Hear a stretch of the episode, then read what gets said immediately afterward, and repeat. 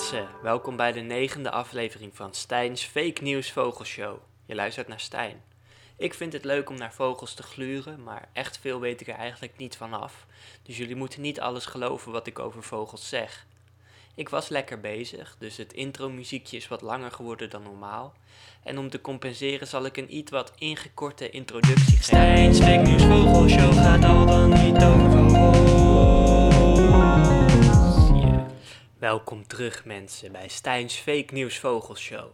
Deze aflevering gaat over de halsbandparkiet, die krijsende heldergroene papegaaiachtige. Halsbandparkieten danken hun naam aan de zwarte en roze lijn die om hun nek loopt. Althans, dat loopt die bij mannetjes. Bij vrouwtjes ontbreekt deze lijn, dus een vrouwelijke halsbandparkiet heeft geen halsband. Dit soort vrouwonvriendelijke namen komt vaker voor in de vogelwereld. De blauwborstvrouw heeft bruine borsten. De zwartkopvrouw heeft een bruine kop. De pijlstaartvrouw heeft geen pijlstaart. Andere dierennamen zijn niet vrouwonvriendelijk, maar validistisch. Ze sluiten gehandicapten uit, zoals duizendpoot. Je zou maar een paar pootjes minder hebben. En bij een aantal vogelnamen is het precies omgekeerd. Ze sluiten in invalide vogels uit.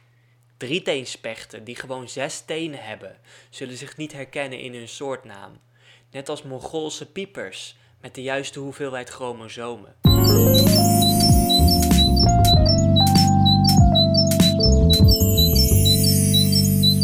Toen ik net het woord papegaaiachtige in de mond nam, ging bij velen van jullie waarschijnlijk een alarmbelletje rinkelen. Wacht eens even, papegaaiachtige, die hoort hier helemaal niet. En het klopt, volgens de officiële definitie is de halsbandparkiet in Nederland een exoot, van oorsprong uit Afrika. Volgens deze definitie is elke plant of diersoort die voor het jaar 1500 niet in Nederland voorkwam en vervolgens door menselijk handelen hier geïntroduceerd is, een exoot. Twee dingen vind ik vrij raar aan deze definitie. Ten eerste het jaar 1500. 1500? Door deze wat arbitraire grens aan te houden gelden konijnen, fazanten en knobbelzwanen, geïntroduceerd voor 1500, niet als exoten, en muskusratten en rivierkreeften wel. Ik vraag me af waarom deze datum niet meeschuift, want op deze manier kunnen exoten nooit van hun exotenstatus afkomen. Na een inburgeringscursus van 500 jaar zou je wat mij betreft met recht een inheemse soort genoemd mogen worden dan zouden we eens in de zoveel tijd het inheems worden van een bepaalde soort kunnen vieren.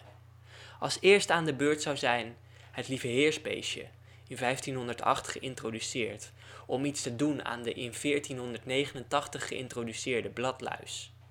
Ten tweede vind ik het raar dat alleen soorten die zijn geïntroduceerd door menselijk handelen gelden als exoten.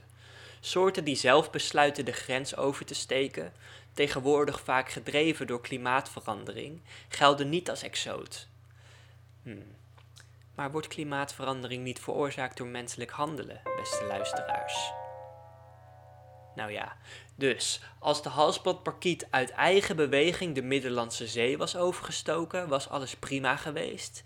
Maar omdat ze als siervogels door mensen zijn meegebracht, vallen ze buiten de boot en gelden als exoot. Nou ja, Halsbandparkieten zijn vooral te vinden in de Randstad. Dit is vaker het geval met exoten. Denk bijvoorbeeld aan de Nijlgans, de Dunkin' Donuts en Pokeballs.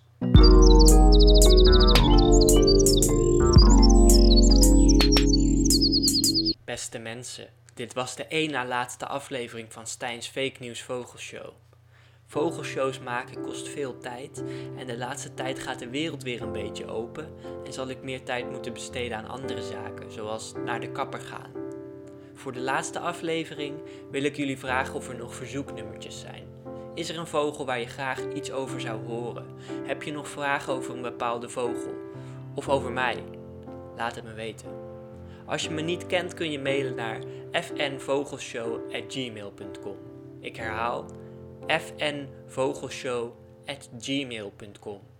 Tot de volgende, laatste keer. Stijn's Fake